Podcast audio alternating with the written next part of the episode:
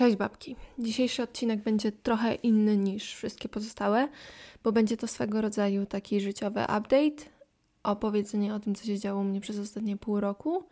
I jest to temat, który podejmuję z uwagi na to, że ten proces, przez który przeszłam, te zmiany, które jakoś się y, dokonały, których dokonałam przy pomocy różnych narzędzi i specjalistów, są bliskie, wydaje mi się, procesowi naprawiania relacji z jedzeniem, procesowi wychodzenia z zaburzeń odżywiania, generalnie procesowi zmiany, który nierzadko wiąże się z dużym oporem, z wieloma wątpliwościami, z taką postawą chcę, ale nie chcę, albo chcę, ale się boję.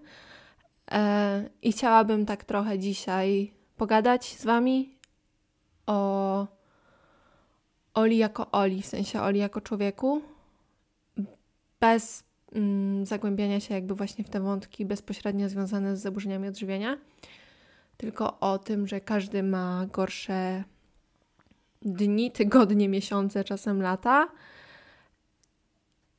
I nie jest to coś, co da się przewidzieć, i nie jest to coś, co spotyka określoną grupę ludzi.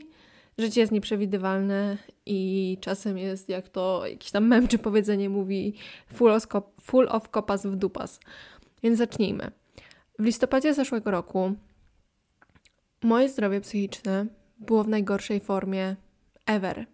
I ja generalnie um, wydaje mi się, że całkiem dobrze sobie radziłam z różnymi niesprzyjającymi warunkami w moim życiu. Wykształcałam fajne mechanizmy obronne, adaptacyjne. Zresztą jednym z tych mechanizmów były moje zaburzenia odżywiania, ale to, to jest jakby nieistotne. Zmierzam do tego, że Byłam osobą całkiem odporną na różnego rodzaju stresy, przykrości. Potrafiłam sobie to jakoś przetłumaczyć. Um, mroziłam się w pewnym sensie, w sensie nie dopuszczałam do siebie y, emocji. Miałam taki czas w swoim życiu, gdzie przez to, że wyparłam i nie dawałam sobie możliwości odczuwania tych trudnych emocji, nie doświadczałam także tych dobrych i przyjemnych emocji. Więc takie moje życie przez jakiś czas było totalnie puste, w sensie takie niby żyjesz, ale w sumie trudno to nazwać życiem, jest to taka bardziej egzystencja. I te wszystkie moje mechanizmy, które wykształcałam z różnych względów, wydaje mi się, że się właśnie odbiły czkawką yy, w listopadzie zeszłego roku. Bo jak się cofniemy o dwa lata, powiedzmy, i sobie przejdziemy przez, no po pierwsze, jakby COVID, pandemię, totalną jakby izolację, przejście na nauczanie online, bo ja byłam wtedy na studiach, studiowałam dietetykę, więc połowę tych studiów spędziłam y, przy komputerze. E, dołożymy do tego fakt, że mieliśmy zakaz wychodzenia z domu, nałożony ogólnie, y, zamknięte lasy i te sprawy, co siada na psychę, no umówmy się dość znacząco. E, I fakt, że jakoś starałam się przez to przebrnąć, w sensie robiłam co mogłam, jak każdy z nas w sumie, y, żeby możliwie zmniejszyć szkody e, tych czynników, na które nie mieliśmy wpływu. Tak później, kiedy teoretycznie powiedzmy, że te największe mm, zaostrzenia y, i zakazy związane z pandemią minęły i mogłoby się wydawać, że było już jakoś tak w miarę dobrze, nic szczególnego nie wydarzyło się w moim życiu w ubiegłym listopadzie, a ja opadłam z sił. W listopadzie wydałam e-booka Jak jeśli nie zwariować i zaangażowałam się w jego kampanię sprzedażową. To były takie intensywne dwa tygodnie, ale nie czerpałam kompletnie radości z tego całego jakby projektu. I pierwszą taką, e, pierwszym takim sygnałem ostrzegawczym, który powinien mnie uderzyć, ale jakoś tak nie, nie zwróciłam na niego uwagi, po prostu mnie to trochę zazmuciło, ale nie dało mi do myślenia, było to, że po ustaleniu sobie jakiegoś celu, który chciałam osiągnąć w tej kampanii, ja rzuciłam okiem, że aha, już. I totalnie mnie to nie cieszyło. A kiedyś czułabym jakiś rodzaj zadowolenia, poklepałabym siebie po ramieniu i pomyślałabym sobie, dobra robota Ola, jakby fajnie, fajnie, że to zrobiłaś, bo takie były twoje założenia. Um, starałaś się podejść do tego właśnie najlepiej, jak potrafiłaś, wykorzystałaś swoje wiedzę, umiejętności i ci wyszło, i ci się udało. Ja w ogóle nie, nie potrafiłam tego dopuścić do siebie. Po prostu popatrzyłam i nie poczułam nic. Absolutnie nic. I po pewnym czasie poczułam rozczarowanie.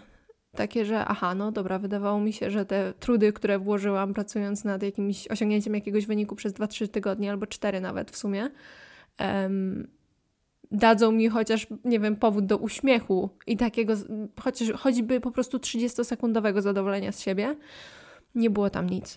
W listopadzie miałam ogromne problemy ze snem, które tłumaczyłam sobie, że są powiązane jakby z ekscytacją związaną z promowaniem produktu, bo jakby wierzę, że to, co wypuszczam, jest bardzo dobre, jest bardzo pomocne, jest bardzo wartościowe i że ma potencjał do tego, żeby zmienić czyjeś życie, w takim sensie, że nie, nie chodzi mi o żadną rewolucję, kup mojego e-booka i wszystkie Twoje problemy znikną.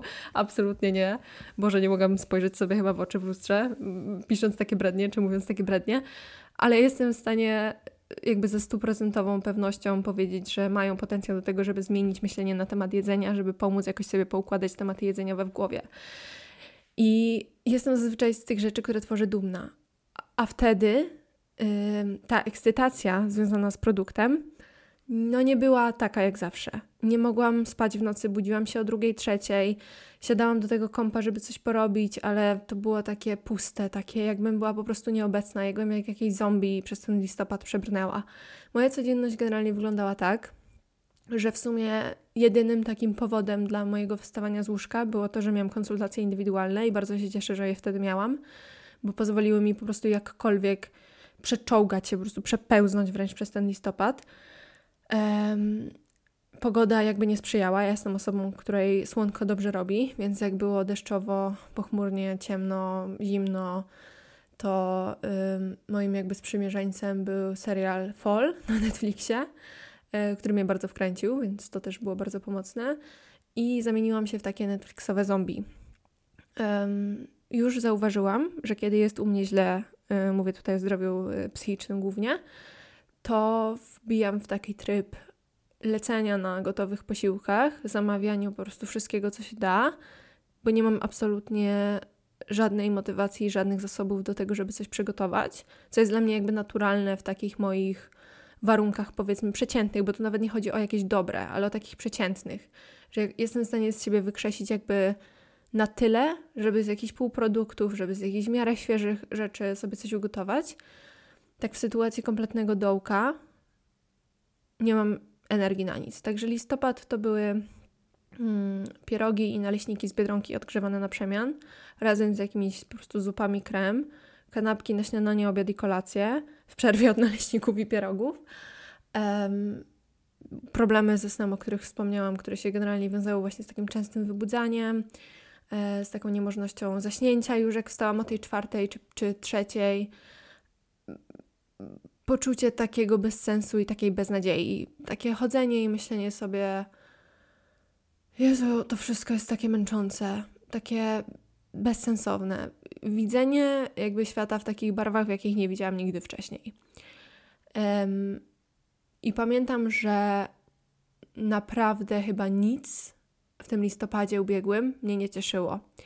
W styczniu albo w lutym na zajęciach z podyplomówki um, wykładowczyni wspomniała nam o takiej skali depresji Beka bodajże. Wybaczcie, jeśli to przekręciłam, ale wydaje mi się, że tak to się nazywało. I to jest takie jakieś narzędzie przesiewowe. Generalnie chodzi o to, że odpowiadasz sobie na kilka takich pytań w kwestionariuszu i to może Cię jakoś tam zaalarmować, czy zasugerować Ci, że może warto byłoby się udać do specjalisty od zdrowia psychicznego, bo możesz mieć do czynienia z depresją. Odpowiedź na to pytanie nie jest jednoznaczna z postawieniem diagnozy, bo w tym celu no, konieczne jest zobaczenie się i porozmawianie z kimś, kto się zna na rzeczy.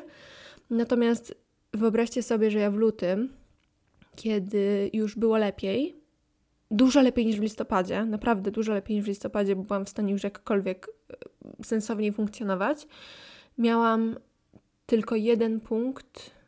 Yy, tylko jeden punkt dzielił mnie od tego, żeby zasugerować jakąś depresję łagodną. Gdybym wypełniła tę skalę w listopadzie, myślę, że byłoby, byłaby to depresja ciężka w, według tych punktów. Było po prostu beznadziejnie. I w, nigdy wcześniej w swoim życiu nie miałam czegoś takiego, a przynajmniej nie przypominam sobie. Może były jakieś takie trudniejsze tygodnie, ale nie kojarzę, żeby to był właściwie no niemalże cały miesiąc.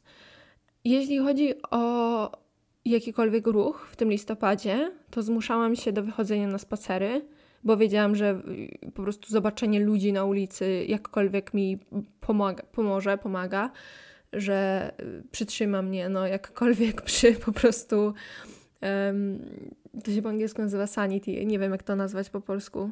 Mm. Generalnie chodzi o to, że utrzyma mnie w jakichkolwiek ryzach, to patrzenie się po prostu na ludzi, ubieranie butów i, i poczucie, że okej, okay, robię coś ze swoim życiem, jakby cokolwiek ogarniam, nie wiem, przejdę się na zakupy, cokolwiek. Natomiast spacer dłuższy niż 15-20 minut był dla mnie już zbyt przytłaczający i zbyt męczący. A jestem osobą, która generalnie, jeśli trzeba się wybrać na 6-godzinną wędrówkę pieszą, to nie mam z tym problemu, wybiorę się, mam, mam kondycję, mam siłę, nie jest to dla mnie big deal. W sensie bolałyby mnie nogi, ale byłabym w stanie zrobić to od zaraz. Wtedy, mówię, 15-20 minut mnie męczyły i tu nie chodziło tylko o męczenie psychiczne. Ja czułam się fizycznie wycieńczona. Wracałam i nie miałam pojęcia, co się dzieje. A sama myśl o takich czynnościach, jak nie wiem, podkurzanie, przetarcie półek, poskładanie ubrań w szafie, wydawała się totalnie, totalnie e, przytłaczająca. I w tym listopadzie, kiedy było tak mega źle, tak po prostu tragicznie źle, podjęłam decyzję o tym, że idę na terapię. I wiem, że częstymi takimi oporami przed pójściem do specjalisty po stronie Was, powiedzmy, osób zainteresowanych naprawieniem relacji z jedzeniem, jest to, że nie, nie, mam kasy, że jakby te konsultacje są drogie, że nie mam na to czasu, że to będzie, nie wiem, zbyt trudne, że a co jeśli ja sobie nie poradzę bez moich zaburzeń, jak będzie wyglądało w ogóle życie bez moich zaburzeń? Przecież to, co mam teraz jest, ok, jest beznadziejne, ale jest znane, jest bezpieczne, a co będzie bez nich? Więc podzielę się, jakie ja miałam opory przed y, pójściem na terapię. Y, głównym oporem i największą trudnością było to, że no będę potrzebowała się na terapii skonfrontować z rzeczami, które jakoś spychałam, po prostu deptałam i o których starałam się zapomnieć przez 10 lat. Um, no i trzeba było je odkopać, więc wydawało mi się, że konfrontacja z tym będzie dla mnie tak okropnie bolesna i tak okropnie trudna, że nie mam w sobie po prostu siły i zasobów na to. Um, I kolejnym jakby czynnikiem była też kwestia finansowa, bo no kurczę, terapia, konsultacje tego typu rzeczy kosztują. Natomiast po pogadaniu ze sobą tak, tak twardo, tak wiecie, mm, tough love, na zasadzie przestań pieprzyć głupoty i spójrz na fakty takimi, jakie są, doszłam do wniosku, że mam te pieniądze na terapię, że to jest kwestia przeorganizowania wydatków, zrezygnowania z innych rzeczy, które są mi w tym momencie mniej potrzebne i zainwestowania no do cholery w siebie. Um, a pod kątem trudności uznałam, że to, jak wyglądał listopad, było największym bagnem, w jakim byłam w całym swoim życiu. I nie mogę sobie pozwolić na to, żeby takie bagno trwało w grudniu, w styczniu i cholera wie jak jeszcze długo. Więc zarezerwowałam sobie konsultację, yy, psychoterapię. Opłaciłam ją od razu z góry, żeby się nie wycofać, bo uznałam, że jeśli bym tego nie zapłaciła, to na bank bym spanikowała i nie poszła. I zaczęłam tę psychoterapię 4 stycznia. Yy. Jestem w niej już pół roku. I to, było, to była najlepsza decyzja, jaką mogłam dla siebie wtedy podjąć. Yy, psychoterapia jest, wydaje mi się, dość bliska takiej pracy właśnie psychodietetycznej, mimo tego, że dotyka no może trochę innych obszarów, bo psychodietetyczna współpraca powiedzmy skupia się wokół jedzenia, to i tak często wykraczamy poza ten obszar i musimy dotknąć innych jakby sfery, innych płaszczyzn. I podobieństwo, które widzę, polega głównie na tym, że nie ma tam realnie mierzalnych, namacalnych postępów, tak jak w przypadku, nie wiem, odchudzania, gdzie stajesz na wagę i widzisz coś, mierzysz obwody i widzisz coś, nie wiem, właśnie, y, robisz kampanię sprzedażową produktu i zakładasz sobie jakieś, y, nie wiem, liczbowe kwoty, no nie, więc to są też takie namacalne rzeczy. W psychoterapii tego nie ma. I w psychodietetyce też tego nie ma. Więc jest to takie. Um, wydaje mi się, że trochę trudne właśnie, żeby wejść w coś, czego nie masz takich fizycznych, namacalnych efektów. Chcieć zrobić ten kawał brudnej roboty, że tak to ujmę, chcieć zainwestować swój czas i, i pieniądze i wszystko. I po części jakby nie wiedzieć, czego się spodziewać po drugiej stronie. Więc to jest jakby jedno podobieństwo, które widzę, a drugie jest takie, że to jest maraton, yy, tak, maraton, a nie sprint, dobrze powiedziałam. Czyli, że jestem teraz pół roku już w tym procesie i mam takie dni, że wydaje mi się, że jest super i że wow, że to zbliża ku końcowi, a mam takie sesje, że wychodzę i sobie myślę, Ola, Boże, przecież to z góry lodowej, przecież Ty dopiero zaczynasz odkopywać rzeczy, których nawet nie wiedziałaś, że jakby w, sobie, w tobie gdzieś tam siedzą, w tobie się kiszą, które ty potrzebujesz w końcu wypuścić po tych wszystkich latach. I na sesjach psychodietetycznych wiem, że też macie podobnie, bo czasem są takie momenty, w których myślicie o tym, żeby zawiesić czy przerwać współpracę, a po kolejnym spotkaniu już uważacie ten pogląd czy to stanowisko za totalnie nieaktualne, bo coś tam się wydarzyło w ciągu tych siedmiu dni, co każe Wam myśleć, że hmm, chyba się jeszcze przyda trochę więcej spotkań. Um, po tym pół roku mm, terapii jestem w stanie dostrzec dużo, dużo lepszą jakość życia. E, mniej unikam trudnych, nie wiem, tematów, trudnych e, wspomnień. Mam w sobie znacznie więcej asertywności. Potrafię bardziej stawiać granice, zarówno w tej sferze zawodowej, jak i w sferze prywatnej. E, z większą łatwością i precyzją mówię o swoich potrzebach, co ułatwia budowanie zdrowych związków, relacji. I mam w sobie znacznie więcej wyrozumiałości dla swojego bólu i dla okazywania swoich emocji i uczuć, co no mówię, przez lata to spychanie ich na dalszy plan było jakimś mechanizmem radzenia sobie, jakimś mechanizmem obronnym, żeby przetrwać po prostu w określonym środowisku, natomiast to, to nie jest zdrowe, to jest rozpieprzające. Więc niesamowicie się cieszę, że przepracowanie tego w jakimś stopniu chociaż, bo nie uważam, żeby to było jeszcze przepracowane do końca i żeby to był zamknięty temat. W ogóle wydaje mi się, że psychoterapia to jest takie never ending story na tej zasadzie, że na różnych etapach swojego życia możemy chcieć tam wracać, chcieć jej podejmować z różnych względów, które mogą być ze sobą kompletnie niepowiązane.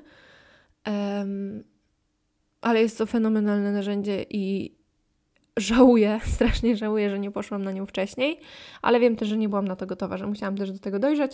Przede wszystkim, yy, moje drogie, musiałam zaryć po prostu twarzą o podłogę najmocniej w całym swoim życiu, żeby dotarło do tego mojego umysłu wspaniałego, że no chyba już nie mam za bardzo wyjścia i chyba po prostu jestem w sytuacji podbramkowej, która wymaga mm, tego zaopiekowania się.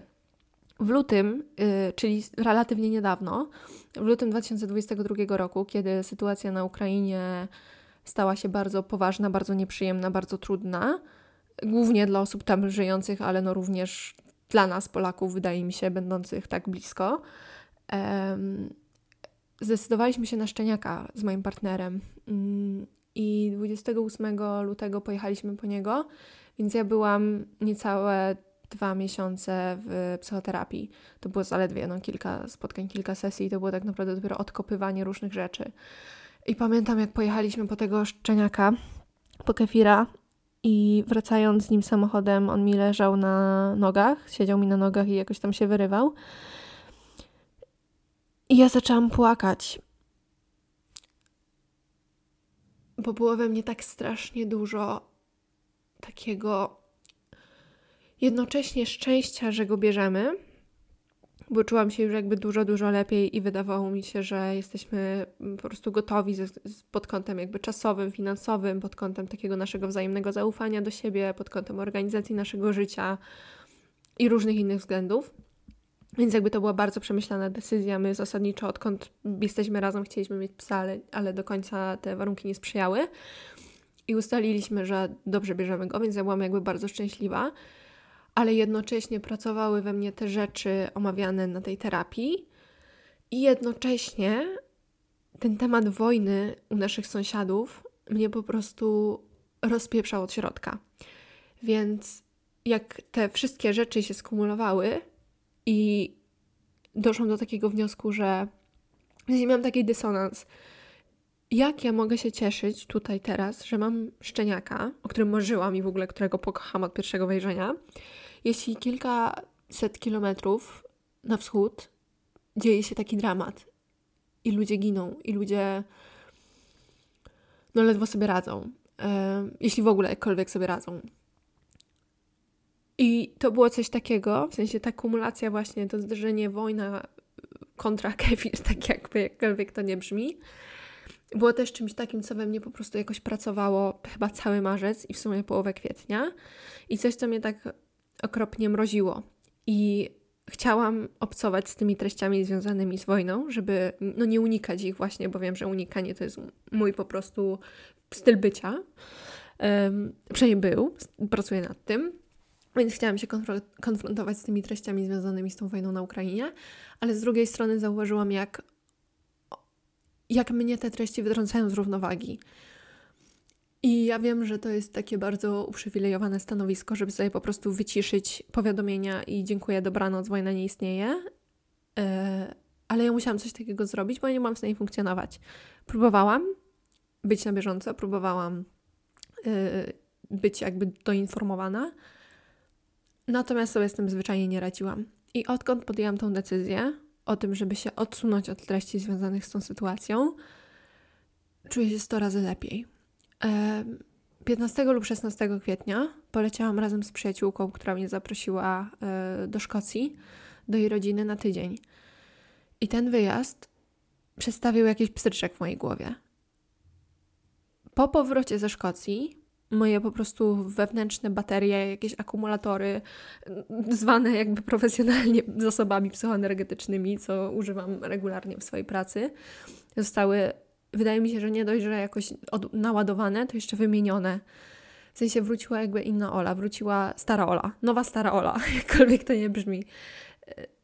Ta energia, którą miałam tak domyślnie, ten mój tryb życia, w którym nie męczy mnie pójście na zakupy, w którym nie męczy mnie wyjście na dłuższy niż 15-minutowy spacer, w którym nie przerasta mnie przygotowanie sobie samodzielnie posiłku, w którym chce mi się chcieć. Ja to tak nazwałam właśnie na pierwszej sesji terapeutycznej, na którą się udałam po powrocie ze Szkocji, że chce mi się chcieć. Chce mi się pójść zrobić paznokcie, chce mi się um, umyć włosy trzy razy w tygodniu, chce mi się jakoś ubrać ładniej, chce mi się wydać kurs, chce mi się planować kolejne jakby działania mające na celu dostarczenie darmowych treści, jak chociażby nagrywanie tego podcastu z większą regularnością. Chce mi się, nie wiem, nagrywać nowy format w ogóle treści w postaci rolek, żeby, mm, żeby te materiały psychodietetyczne były jeszcze przystępniejsze i żeby docierały do jeszcze szerszego grona, bo no jest mnóstwo osób, które mają zaburzone relacje z jedzeniem i nie mają pojęcia, że je mają, albo nie mają pojęcia, co mają z nimi zrobić albo nie mają pojęcia, że można inaczej, że można żyć inaczej, że można żyć bez nich. Więc niesamowicie się cieszę, że ten wyjazd do Szkocji się wydarzył. I z takich moich wniosków już po nim, to co wydaje mi się, że pomogło, to jest przebywanie z ludźmi, w sensie przebywanie z moją przyjaciółką przez tydzień, z jej rodziną. E, zmiana otoczenia sama w sobie też działała odświeżająco, ale wydaje mi się, że to ludzie odgrywali tutaj kluczową rolę bo od września, odkąd studiuję psychodietetykę um, podyplomowo w wersji online i odkąd też przeszłam w pełni jakby na utrzymywanie się totalnie jakby samodzielnie niezależnie, e, założyłam własną firmę, pracuję z domu. I posiadanie własnej firmy to jest w pewnym sensie praca 24 na 7, ale to nie jest coś, z czym ja się chcę zgodzić, bo rozumiem, że można tak że to może tak wyglądać i że można faktycznie pracować o, od 6 rano, od momentu otworzenia oczu, biorąc telefon do ręki, sprawdzając maila, do 23 robiąc dokładnie to samo, tylko już kładąc się spać. Natomiast ja nie mam sobie zgody na taki system pracy. Ja nie chcę, żeby on tak wyglądał. Tylko, że od września do maja, do teraz, kiedy to nagrywam, musiało minąć trochę miesięcy, e, żebym sobie poukładała w głowie to, jak ja chcę, żeby to wyglądało, e, to na co ja mam zgodę, to na co ja nie mam zgody, to co mi służy, i, i to, co mnie wykańcza. I zmierzam tym do tego, żeby przyglądać się sobie, niezależnie od tego, w, jakiej, w jakim jakby momencie życia jesteśmy, i nie powielać jakichś takich utartych samatów, czy utartych gadek, czy tego, że nie wiem, cały świat wydaje nam się, że ma jakoś tam, a my nie do końca. Tylko, żeby faktycznie kwestionować. Ej, Ola, Odpowiada ci to, że nie wiem, pracujesz każdego dnia po 12 godzin, czy chciałabyś to zmienić? E, ej, Ola, odpowiada ci to, że ciągle się wybudzasz i nie masz siły absolutnie na nic i czujesz się przytłoczona najbardziej podstawowymi czynnościami, czy chciałabyś to zmienić? I tutaj myślę sobie od razu o osobach, z którymi współpracuję, współpracowałam, które trafiały do mnie na konsultacje związane z objadaniem się, z niekontrolowanymi napadami, w ogóle okropną utratą kontroli nad zachowaniami jedzeniowymi i dochodziły do takich wniosków, że zwlekały właśnie z konsultacjami z takich względów, o których ja mówiłam wcześniej, czyli nie mam czasu, nie mam pieniędzy, co jeśli nie będę potrafiła żyć bez moich zaburzeń i tak dalej. I dochodziły do wniosku, że no nie da się tak. W sensie, okej, okay, te argumenty brzmią sensownie i brzmią przekonująco, jak sobie je tak powielamy w głowie i powtarzamy latami czy miesiącami, ale jak właśnie okażemy sobie taką tough love, czyli postawimy kawę na ławę i powiemy ej stara, jak tego nie zmienisz, jak sama nie weźmiesz sprawy w swoje ręce i jak nie zadbasz o siebie, jak nie skonfrontujesz tych swoich niby sensownych argumentów jakby z faktami, to to się nigdy nie zmieni. Ja tutaj absolutnie nie chcę y, twierdzić, czy nie chcę, żeby to tak zabrzmiało, że jeśli uważasz, że nie masz pieniędzy, to na pewno kłamiesz, bo na pewno masz te pieniądze, bo o mój Boże, jesteś osobą, która najlepiej na całym świecie wie, czy masz te pieniądze, czy nie masz. Ale zachęcam do mm, przemyślenia też zysków związanych z zainwestowaniem na przykład w taką współpracę psychodietetyczną, psychoterapeutyczną, nie wiem, trenerską, dietetyczną, jakby na czym tam ci zależy i czego potrzebujesz. I pomyślenia o tym w kategorii tego, że okay, to jest inwestycja, to jest jakiś wydatek czasu, energii, pieniędzy, to będzie się wiązało ze zmianą zachowania, ale co zyskujesz? Czy nie będzie tak, że na przykład zainwestowanie w, jaki, w jakąś konsultację, w jakąś sesję, w jakiś kurs, w jakiś e-book, webinar, cokolwiek i poświęcenie trochę czasu nie zwróci się w perspektywie kolejnych miesięcy, ja na tą terapię, nie chcę mi się nawet liczyć, ile wydałam, dużo, bo to wszystko kosztuje, tak jak wspomniałam wcześniej. Natomiast myśląc sobie o zyskach, o tej wolności w głowie, o tej mojej poprawionej jakości życia, o tym pstryczku, który mi się odblokował i o tym, że wydaje mi się, że byłam. Nie wiem, jakby jakie warunki trzeba spełniać, żeby mieć depresję, no nie? I jakby ja się na tym nie znam i nie chcę siebie tutaj diagnozować, ale wydaje mi się, że to mogło być coś bliskiego od depresji, jeśli to nie była depresja no to się jakoś z tego wykaraskałam i nie chcę myśleć, co by było, gdybym nie poszła na tą psychoterapię wtedy. Nie nagrywam w sumie tego podcastu, żeby odczarowywać psychoterapię, bo wydaje mi się, że w gronie, w którym tutaj jesteśmy i w którym się tutaj spotykamy, nie trzeba odczarowywać psychoterapii, że tutaj jakby mamy w większości zgodę na to, że to jest najnormalniejsze narzędzie czy najnormalniejsza usługa, totalnie jakby chleb powszedni. W moim przypadku pójście na psychoterapię się to kompletnie jakby nie wiązało z żadnym wstydem, wręcz bardziej z dumą. Jedyne, co mnie blokowało, to to, że odkopanie tego wszystkiego, co gdzieś tam w sobie dusiłam, chowałam, kryłam, tłamsiłam, będzie cholernie bolesne.